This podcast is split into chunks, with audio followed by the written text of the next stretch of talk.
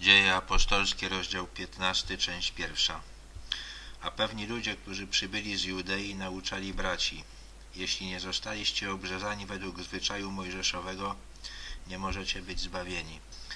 Żydzi, którzy w Judei uwierzyli w Jezusa, nadal zachowywali swoje zwyczaje i nie mieściło im się w głowie, że może być inaczej. Kiedy zetknęli się z kościołem w Antiochii złożonym głównie z pogan, którzy nie przestrzegali prawa mojżeszowego, uznali, że ci ludzie z pewnością zostaną odrzuceni przez Boga. Gdy zaś powstał zatarg i spór niemały między Pawłem i Barnabą a nimi, postanowiono, żeby Paweł i Barnaba oraz kilku innych spośród nich udało się w sprawie tego sporu do apostołów i starszych do Jerozolimy. Paweł i Barnaba starali się przekonać przybyszów z Judei, że nie mają racji, ale ci trwali przy swoim zdaniu. Dlatego postanowiono udać się do apostołów do Jerozolimy, żeby rozstrzygnęli ten spór. Członkowie zboru w Antiochii zdawali sobie sprawę, że w kościele musi być jedność poglądów. Ci tedy wyprawieni przez zbór szli przez Fenicję i Samarię, opowiadając o nawróceniu pogan i sprawiając tym wielką radość wszystkim braciom. Po drodze wysłannicy kościoła w Antiochii stykali się ze zborami Fenicji i w Samarii, złożonymi z Żydów i Samarytan i ci ludzie nie widzieli żadnego problemu w tym, że poganie wierzący w Jezusa nie zachowują zwyczajów żydowskich. Cieszyli się tylko, że mają braci w Chrystusie. A gdy przybyli do Jerozolimy, zostali przyjęci przez zbór oraz apostołów i starszych i opowiedzieli, jak wielkich rzeczy dokonał Bóg przez nich. Lecz niektórzy ze stronnictwa faryzeuszów, którzy uwierzyli, powstali mówiąc, trzeba ich obrzezać i nakazać im, żeby przestrzegali zakonu mojżeszowego. Także w kościele w Jerozolimie początkowo nie zauważano tego problemu, dopóki dawni faryzeusze, najbardziej przywiązani do prawa mojżeszowego, nie zażądali tego, żeby poganie zostali obrzezani i wdrożeni do przestrzegania wszystkiego, czego kiedyś Bóg przez Mojżesza nakazał Żydom. Zgromadzili się więc apostołowie i starsi, aby tę sprawę rozważyć.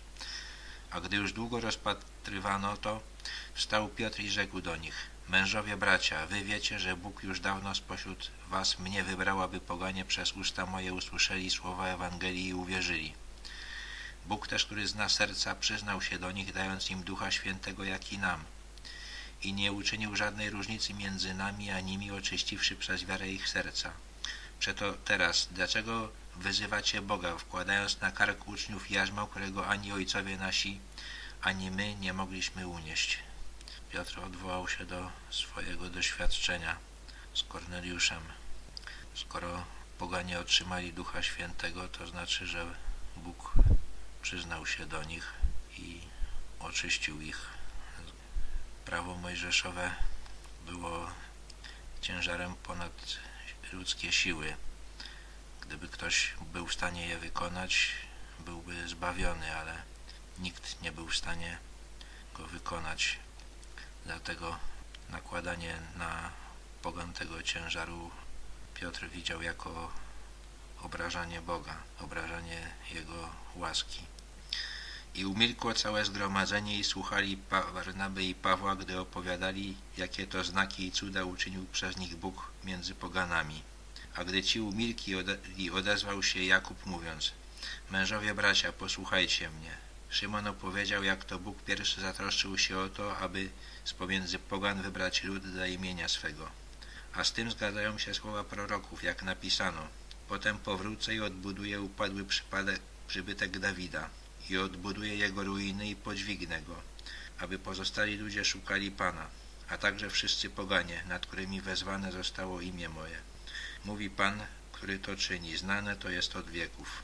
Paweł z Barnabą opowiadali o cudach, którymi Bóg poświadczał ich prawowierność, a Jakub zacytował tekst ze Starego Testamentu, gdzie jest mowa o poganach szukających Boga. Nie wynika z tego tekstu, żeby poganie mieli przestać być poganami i stać się Żydami.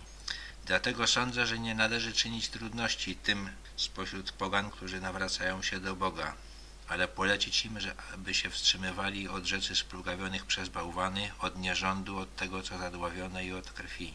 Mojżesz bowiem od dawien dawna ma po miastach takich, którzy go opowiadają, gdyż czyta się go w synagogach w każdy sabat. Jakub uznał, że należy pogan zobowiązać do tego, żeby się wstrzymywali od nierządu, od rzeczy ofiarowanych bożkom oraz od tego, co zadławione i od krwi.